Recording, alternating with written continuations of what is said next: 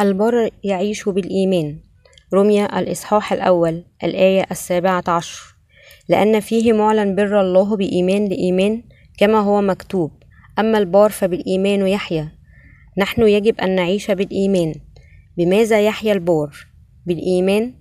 البار يعيش بالإيمان في الواقع. كلمة إيمان شائعة جدا لكنها جوهر الكتاب المقدس. البار يعيش بالإيمان. بماذا يعيش الأبرار؟ إنهم يعيشون بالإيمان بالله. أمل أن نستنير من هذا الجزء لأن الجسد والروح القدس يسكنان فينا. نميل إلى تفسير العديد من الكتاب المقدس بأفكارنا الخاصة دون معرفة المعاني الحقيقية المخفية في الكتاب المقدس.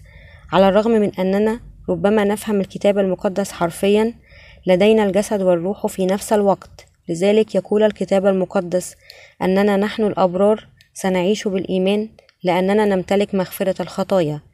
لكن المشكلة بأن الجسد لا يمكن أن يعمل الصلاح.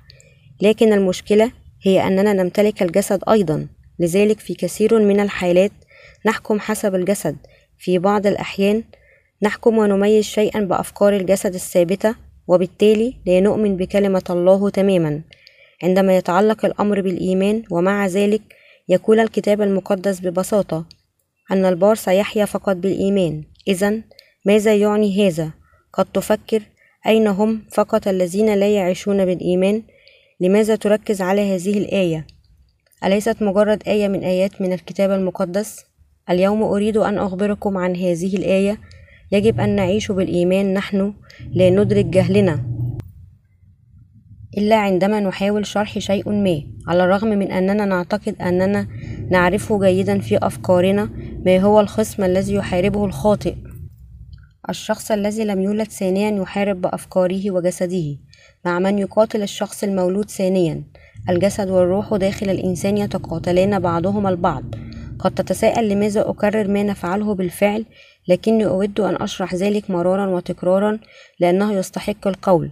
حتى في القديس المولود من جديد فإن جسده وروحه يتقاتلان باستمرار مع بعضهما البعض لأنه أيضا له الجسد. هناك جزء غريزي في الجسد يفضل أن يعيش ببسخ ويحاول معالجة جميع المشاكل بدلا من العيش بالإيمان. هناك أيضا جزء غريزي في جسد الشخص الصالح يريد أن يعيش ببسخ ويحاول الوصول إلى الكمال دون ارتكاب أي خطأ. وهو بعيد كل البعد عن العيش وفقا للإيمان الذي يقول لهم الله أن يعيشوا به.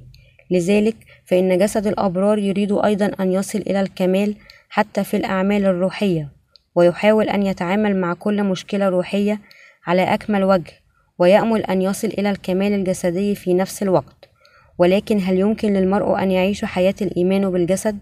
كما قال بولس لأني لست أفعل الصالح الذي أريده بل الشر الذي لست أريده فإياه أفعل.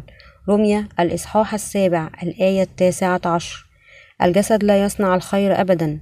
لدينا غريزة في الجسد ترغب في العيش في فخامة أمام الله على الرغم من أن الجسد لا يسعه إلا أن يفعل الشر. نحن لا يمكن أن نعيش حياة الإيمان بالجسد. لذا بالمعنى الدقيق للكلمة محاولة عيش حياة الوعر الورع مع الجسد بعيدة كل البعد. عن الإيمان الصحيح. لدينا أفكار متناقضة وغرائز تجاه الله من وجهة نظر كتابية. من المستحيل أن تكون كاملا في الجسد وأن تعيش حياة الإيمان دون أي مشاكل مع الجسد. لحم الإنسان مثل الغبار. يقول الكتاب المقدس يذكر أننا تراب.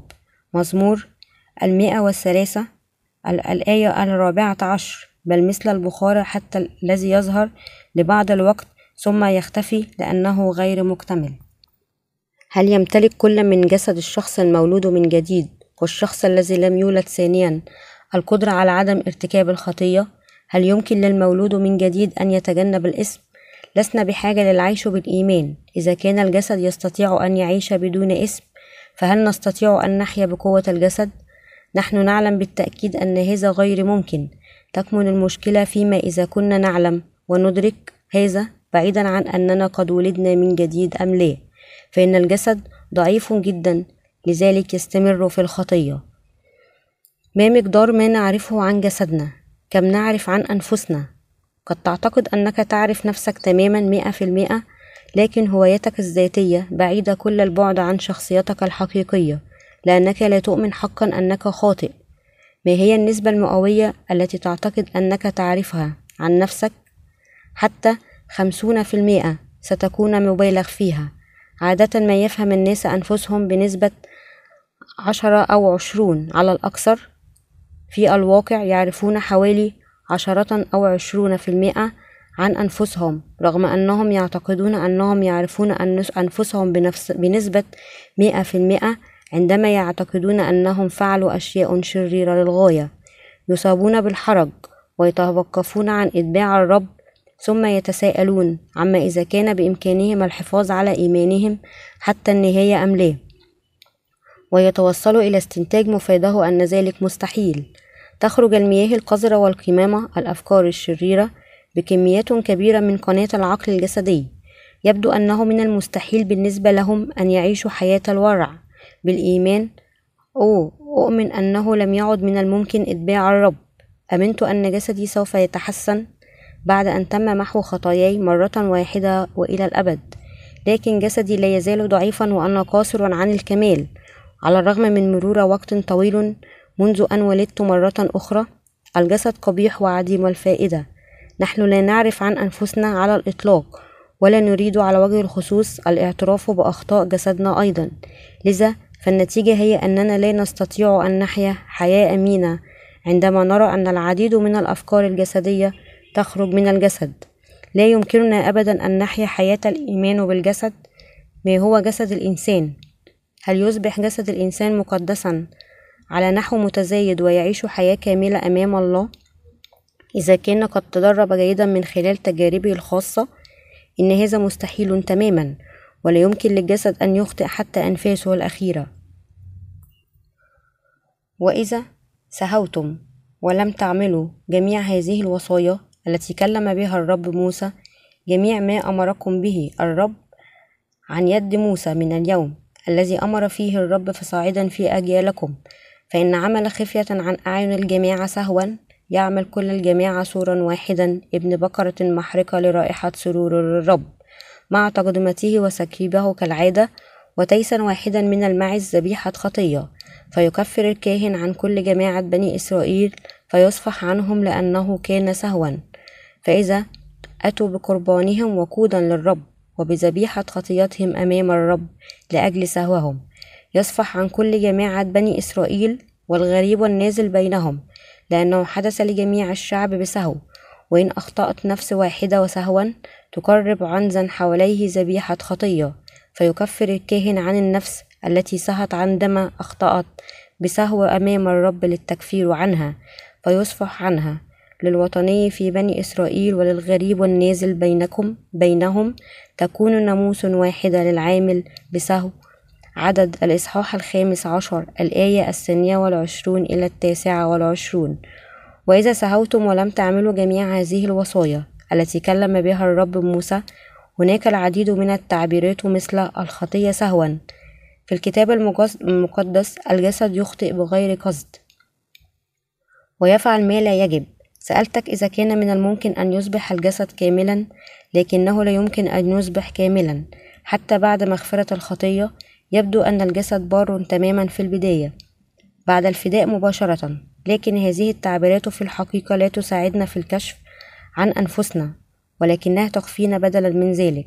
اللحم يخرج القمامة ويذنب طوال الوقت. الجسد يرتكب دائما خطايا يبغضها الله. ألا يخطئ الجسد مرات عديدة؟ هل الجسد يحيا دائما كما يريد الله؟ يفعل الجسد دائما ما لا يريده الله؟ الجسد دائما يخطئ بلا سيطرة. يتكون ناموس الله من الوصايا العشر ويحتوي على 613 مادة تفصيلية. ليكن لك آلهة أخرى أمامي. لتصنع لنفسك صورة منحوتة. لا تنطق باسم الرب إلهك باطلا. اذكر يوم السبت لتقدسه أكرم أباك وأمك. لا تقتل. يجب عليك ألا تزن. لا تسرق. يجب عليك ألا تشهد شهادة زور على جارك. لا تشتهي منزل جارك. الوصايا الأربعة الأولى هي الوصايا التي يجب حفظها في العلاقات مع الله. بقية الوصايا من الوصية الخامسة إلى العاشرة هي وصايا يجب حفظها بين البشر. لكن هل يرضي الجسد أن يطيع الناموس؟ توجد خطوط بيضاء على الطريق للمشاة لعبور الطريق بأمان. لكن الجسد لا يريد أبدا أن يحافظ على قوانين المرور. يعبر الناس الطريق داخل الخطوط خوفا من أن يراقبهم الآخرون لكن في الواقع هم لا يريدون, لا يريدون إطاعة الناموس. يعبرون الطريق بشكل خاطئ ويرفضون إشارات المرور عندما لا يكون هناك أحد في الجوار. الجسد يخطئ تلقائيا إذا كانوا متعلمين جيدا فعليهم الالتزام بإشارات المرور. سوى شاهدهم الآخرون أم لا؟ ومع ذلك سيتبعون القواعد من الخارج فقط. نحن نكره عبور الطريق وفقا لإشارات المرور ونحاول عدم طاعتها قدر الإمكان. إذا ما هو الغرض من منحنا الله الناموس؟ يعطينا الناموس معرفة الخطية. رمية الإصحاح الثالث الآية العشرون. بموجب الناموس نعلم أننا خطاة نخالف الوصايا العشر دائما. نحن نخطئ دائما.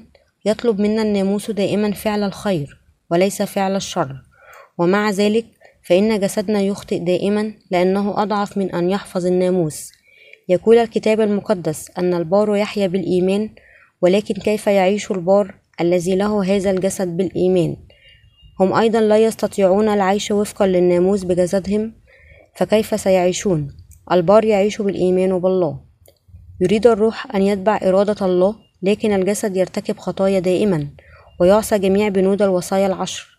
الجسد يخطئ بالتناوب يرتكب هذه الخطية اليوم وتلك الخطية غدا. هناك خطايا يفضل الجسد أن يرتكبها أكثر من خطايا أخرى. إن جسد الإنسان يخطئ طوال حياته هل هذا صحيح أم لا؟ لننظر للوصية الخامسة أكرم أباك وأمك. إنه أمر منطقي تماما. ويحاول الناس تطبيقه على الرغم من أنهم لا يستطيعون هذا طوال الوقت. لذا دعونا نتخطى مناقشتها التالية هي لا تقتل. كل واحد منا يقتل الآخرين في أذهاننا في حين أن القليل فقط من الناس يقتلون حسب الجسد. ومع ذلك دعونا نتخطى هذا أيضا لأن القتل خطية عظيمة. وبعدها لا تزني ولا تسرق. هذه الخطايا ترتكب بسهولة في حياتنا اليومية. بعض الناس لديهم موهبة فطرية في السرقة والزنا. لقد اعتادوا ارتكاب الخطايا ألا يشتهون أيضا؟ يقول الكتاب المقدس أن الاشتهاء هو خطية أيضا كما أنهم بارعون في أخذ ممتلكات الآخرين بعيدا من أماكنهم الأصلية السرقة. يقوم الجسد بهذه الأعمال الشريرة متى شاء لنفترض أننا نرتكب نوعا أو نوعين من الخطايا من بين عشرة أنواع من الخطايا فهل هذا يجعلنا أبرارا أمام الله؟ لا ليس كذلك. نحن لسنا عادلين وأبرارا بالجسد أمام الله لأن أقل جزء من الخطية هو خطية. الجسد يخطئ مرارا وتكرارا ويخطئ هذا اليوم وغدا حتى نموت. الجسد لا يسعه إلا أن يخطئ أمام الله حتى نموت. فهل سبق لك إن كنت طاهرا ومقدسا أمام الله ولو ليوم واحد؟ دعونا ننظر إلى الجسد ونفصله عن الروح. ألم تخطئ أمام الله أبدا؟ كونك كاملا بالجسد الشخص يرتكب الخطية حتى عندما ينام إنه يستمتع بالنظر إلى الصور البذيئة حتى أثناء الحلم والتفكير في النساء الجميلات من خلال المخيلة. كلنا نرتكب الخطية. يفعل الجسد ما يأمرنا الله بعدم القيام به ولا يفعل ما يوصينا بفعله. الجسد هو نفسه دائما حتى بعد محو خطايانا. كيف يمكننا أن نصبح كاملين؟ ما هو السبيل إلى التقديس إذا كان جسدنا لا يكتمل؟ ومع ذلك أليس هذا ممكنا من خلال يسوع المسيح؟ نحن الذين ارتكبنا تلك الخطايا هل أخطأنا أمام يسوع؟ نعم لقد أخطأنا. هل نخطئ الآن أم لا؟ نعم نفعل. هل نستمر في الخطية؟ نعم نحن نفعل ذلك. سوف نخطئ حتى يوم موتنا ما دام لدينا جسد. نحن الكائنات الخاطئة التي لا يسعنا إلا أن نخطئ حتى أنفسنا الأخيرة. فكيف نتخلص من كل خطايانا؟ أولا إذا لم تكن قد ولدت من جديد بعد فيجب أن تعترف بأنك خاطئ أمام الرب لتمحو خطاياك.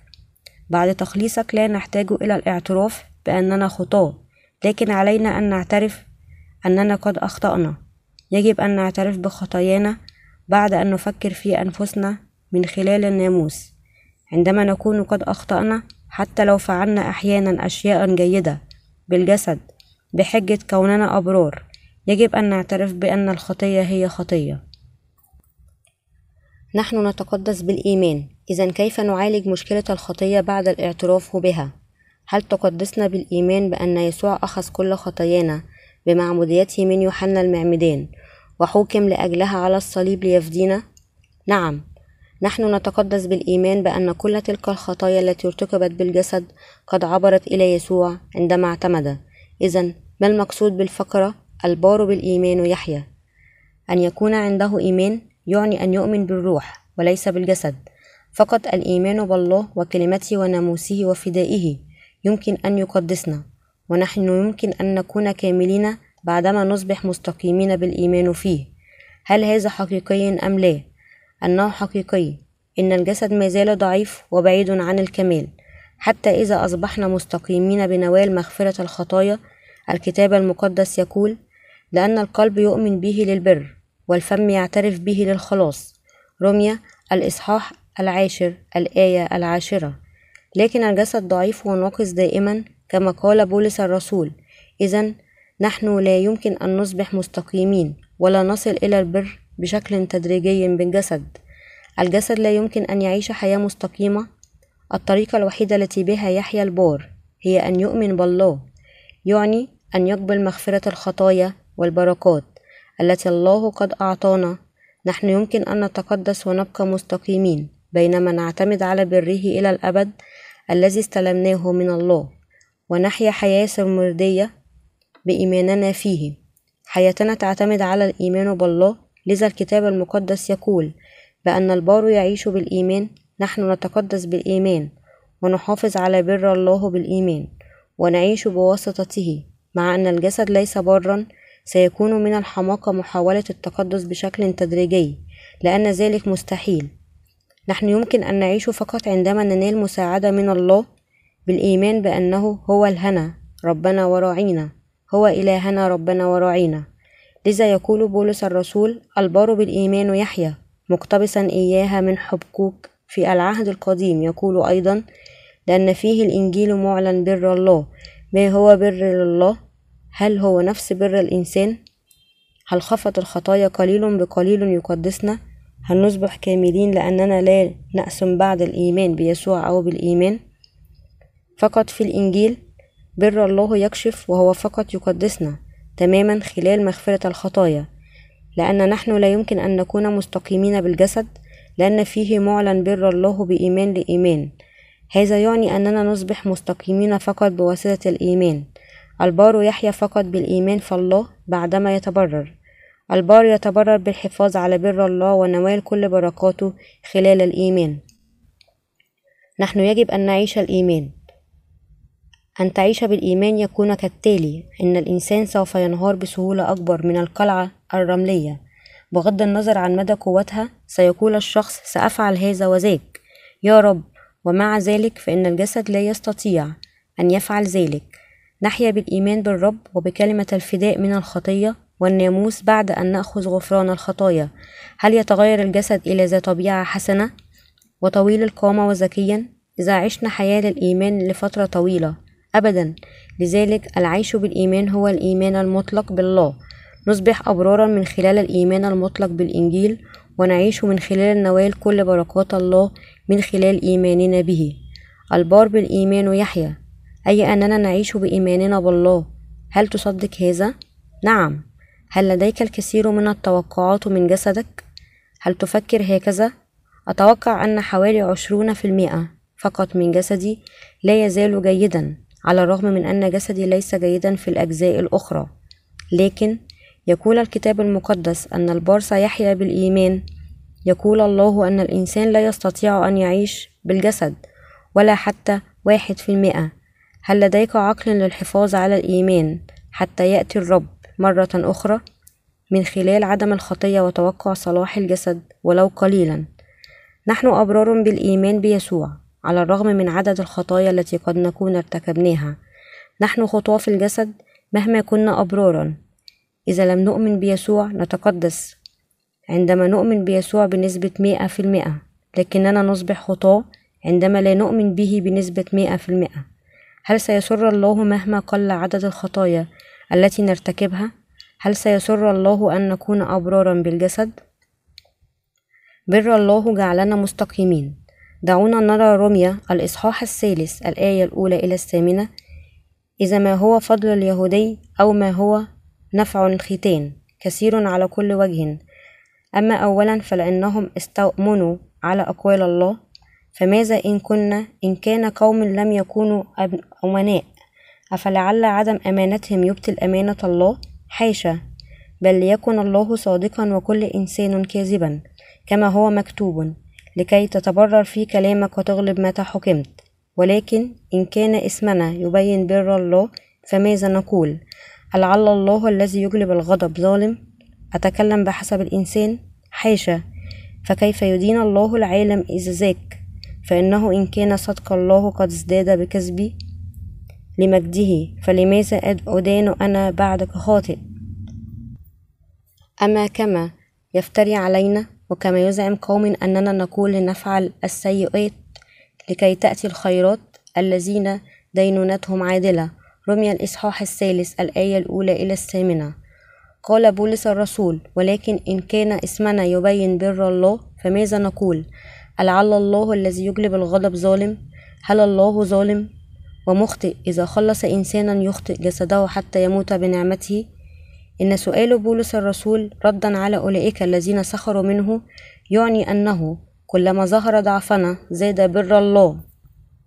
زاد بر الله الذي يخلصنا من كل خطايانا. يتحدث بولس الرسول إلى أولئك الذين يتساءلون كيف يمكن للإنسان الذي يخطئ طوال حياته أن يتقدس؟ يقول أن ضعف الإنسان هو لإظهار بر الله إن البشر الذين لا يستطيع جسدهم إلا أن يخطئ حتى أنفاسهم المحتضرة يظهرون عظمة بر الله عظمة بر الله من خلال ضعفهم. إن بر الله لا يعني شيئا إذا كان بإمكان المرء أن يكون برا بجهوده إلى جانب بر الله. إذا خلص بنسبة سبعة وتسعون في المئة بعون الله وبنسبة ثلاثة في المئة بجهوده يقول بولس أن الله وحده خلص بشكل كامل أولئك الذين يستمرون في الخطية حتى الموت من خلال يسوع. لذا فإن اسمنا يكشف غنى بر الله. لا يستطيع الجسد إلا أن يخطئ كل يوم حتى يموت. لا يمكن أن يكون كاملا حتى ليوم واحد. حقيقة أن يسوع أنقذ هؤلاء الخطاة غير الكاملين من خطاياهم يكشف عن بر الله أكثر من ذلك بكثير. لذلك يقول بولس الرسول أما كما يفتري علينا وكما يزعم قوم أننا نقول لنفعل السيئات لكي تأتي الخيرات الذين دينونتهم عادلة رمية الإصحاح الثالث الآية الثامنة هل نستطيع أن نتبرر بالجسد؟ هل يمكن أن يصير جسدنا كاملا بعد أن ينال مغفرة الخطايا؟ الجسد لا يستطيع هل يمكنني أنت وأنت أنت وأنا بغض النظر عن بقية الناس في العالم أن نصبح أبرارا بالجسد؟ لا ولكن هل خلصنا الرب تماما أم لا؟ نعم لقد خلصنا الرب تماما من كل خطايانا هل نحن عندما عندنا خطية إذا أمنا بيسوع بقلوبنا؟ لا ليس عندنا خطية مهما كنا غير أبرار قال الرب ثانيا أيضا سمعتم أنه قيل للقدماء لا تحنس بل أوفي للرب أقسامك وأما أنا فأقول لكم لا تحلفوا البتة لا بالسماء لأنها كرسي الله ولا بالأرض لأنه موطئ قدميه ولا بأورشليم لأنها مدينة الملك العظيم. ولا تحلف برأسك لأنك لا تقدر أن تجعل شعرة واحدة بيضاء أو سوداء. بل ليكن كلامكم نعم نعم لا لا وما زاد على ذلك فهو من الشرير. متى الإصحاح الخامس الآية الثالثة والثلاثون إلى السابعة والثلاثون. القسم بحد ذاته اسم لأنك لا تستطيع أن تحفظ ما تقسم لذلك. لا تقسم ولا تتعهد بفعل شيء لاحقا. فقط آمن بكلماته ومن ثم ستعيش. يمكنك أن تصبح بارا إذا كنت تؤمن ببره وسيساعدك الرب إذا كنت تؤمن به. هناك الكثير من الأوهام. لدينا معيار الجسد ونحكم على أساسه لأن لدينا جسدا. لذلك يوجد قاضي فينا لا يرتبط بالإيمان بكلمة الله. يوجد قاضيان بداخلنا. واحد هو نفس الشخص والآخر هو يسوع. لذلك كلاهما يحاولان بداخلنا السيطرة في داخلنا. نحن نميل إلى وضع قوانين الجسد والحكم بها لأن لدينا جسدا. يقول لنا الجسد أنت صالح حتى لو استمررت في الخطية. سأوافقك أنك كبار حتى لو لم يكن جسدك بارا بنسبة مئة في المئة. يمنحك قاضي الجسد دائما تقييمات جيدة. ومع ذلك فإن قاضي بر الله يتطلب منا أن نكون بلا خطية بنسبة مئة في المئة. هو قدوس. يمكننا أن نصبح أبرارا فقط من خلال تلقي غفران الخطايا بالإيمان. لذلك فإن المؤمنين بإنجيله قد وصلوا بالله. لقد أصبحنا بالفعل أبرارا. أولئك الذين يؤمنون بالله يعيشون حقا. إنهم مباركون بمعونة الله. البار بالإيمان يحيا وهذا يعني أن غير المؤمنين والذين يعيشون بالجسد لا يمكنهم أن يحيوا. أقول لكم فقط جزء صغيرا من الصورة الكبيرة. أخبرك مرارا وتكرارا وأشرح المعنى بالتفصيل. تماما كما نلغي العظام مرارا وتكرارا حتى يتحول الحساء إلى اللون الأبيض. نحن نحتاج الإيمان. من المهم معرفة الكتاب المقدس ولكن الأكثر أهمية إلى أي مدى نؤمن به. يؤمن بعض الناس فقط بمرحلة الخلق في الكتاب المقدس. يؤمن بعض الناس أن الله خلق السماوات والأرض وأن يسوع قد طهر فقط الخطية الأصلية. يعتقدون أن خطاياهم اليومية يجب أن تمحى كل يوم. هم يصدرون أحكامهم الخاصة حسب ناموس الجسد. إلى أي مدى نؤمن؟ البار بالإيمان يحيا. لا يمكن أن تصبح مستقيما وأن تحيا إلا بالإيمان. من البداية إلى النهاية نحتاج إلى الإيمان بالله. إذا إلى أي مدى نؤمن؟ هل تصادف أن تقيس نفسك كما يحلو لك محبوسا في الأفكار الجسدية؟ وتفكر أنا بخير تماما جسدي جيدا. أو أنا أضعف من أن أؤمن بالله. هل تصادف أن تقيم نفسك مانحا نفسك ثمانون في المئة اليوم وخمسة وتسعون في المئة في اليوم التالي ولكن خمسة في المئة فقط في أيام معينة؟ معتقدا أنه كان من الأفضل لو لم أكن قد ولدت. هل تعتقد ذلك؟ نعم. وكذلك أنا أيضا. أنا حقا أكون هكذا في بعض الأحيان حتى عندما أريح نفسي. أؤمن كان من الأفضل لو لم أؤمن بالرب ولم أعرفه. يبدو أنه من الصعب أن تعيش حياة الورع بالإيمان. لقد كان الأمر فظيعا حتى الآن. أنا في ورطة أن أرى المستقبل وأتذكر الماضي. أنا جدير بالثناء لأنني عشت حياة الإيمان إلى حد ما حتى الآن. لكني لن أستطيع أن أمشي معك من الآن فصاعدا يا رب. لقد أصبحت حساسا جدا تجاه الخطية منذ أن عرفتك. لقد زالت مني العديد من الأفكار والمعايير منذ أن عرفتك. بالكاد تبعتك يا رب بينما كنت لا أعرفك تماما. لكن الآن ليس لدي الثقة بالنفس لأتبعك بعد الآن. لماذا؟ لأنني أعلم أن الله قدوس وكامل. آه يا رب لا يمكنني أن أتبعك بعد الآن. ليس لدي الثقة بنفسي. لذلك يخبرنا الله أن نحيا بالإيمان لأنه يعرفنا جيدا. يقول عليك أن تحافظ علي أن تكون صالحا وأن تظل مباركا بالإيمان. كل خطاياك انتقلت إلى يسوع المسيح من خلال معموديته أنت تخطئ دائما عندما أعكس جسدك على علي في مرآة الناموس. لذا أعترف أنك لا تستطيع إلا أن تخطئ. هل أخذ مخلصك كل خطاياك أم لا؟ نعم لقد فعل. هل انتقلت انتقلت كل خطاياك إلى مخلصك أم لا؟ نعم إذا هل عندك خطية أم لا؟ لا هل خلصك الرب أم لا؟ نعم إذا ستتحول الأيام الملبدة بالغيوم والمظلمة إلى أيام مشمسة مثل الكلمات الموجودة في الترنيمة هناك أشعة الشمس في روحي اليوم نحن لا يمكن أن نصبح خطاة ثانيا قد يكون الأمر ميؤوسا منه عندما نفكر في المستقبل لكنه مشمس ومشرق. عندما ننظر إلى الرب بإيمان لذلك يقول الله أن البار سيحيا بالإيمان. هل تصدق هذا؟ نعم. نحن نخلص بالإيمان ونعيش به أيضا بمن نؤمن. نعيش بالإيمان بالله. يمكن فقط للأبرار أن يعيشوا بالإيمان؟ هل تصدق ذلك؟ نعم. هل يمكنك الحفاظ على بر الله بتدريب الجسد جيدا؟ لا. هل يبطل بر الله عندما يفعل الجسد الشر؟ هل نصبح خطاة مرة أخرى؟ لا قال بولس الرسول في غلطية الإصحاح الثاني الآية الثامنة عشر فإني إن كنت أبني أيضا هذا الذي قد هدمته فإني أظهر نفسي متعديا الشخص الذي يؤمن بأن جميع خطاياه قد تم نقلها إلى يسوع المسيح من خلال المعمودية وأنه حكم عليه على الصليب من أجله لا يمكن أن يصبح خاطئا مرة أخرى الشخص الذي لا ينكر يسوع يصبح مقدسا في الحال وبلا خطية لأن كل خطاياه قد انتقلت إليه ولا يمكن أن يكون خاطئا مرة أخرى. هل فهمت الأمر؟ نعم. الله الذي خلصنا هو دائما ربنا وأبينا. الله يساعدنا دائما وهو معنا إلى نهاية العالم. لهذا السبب يقول عش بالإيمان. سأساعدك إذا كنت تؤمن بي.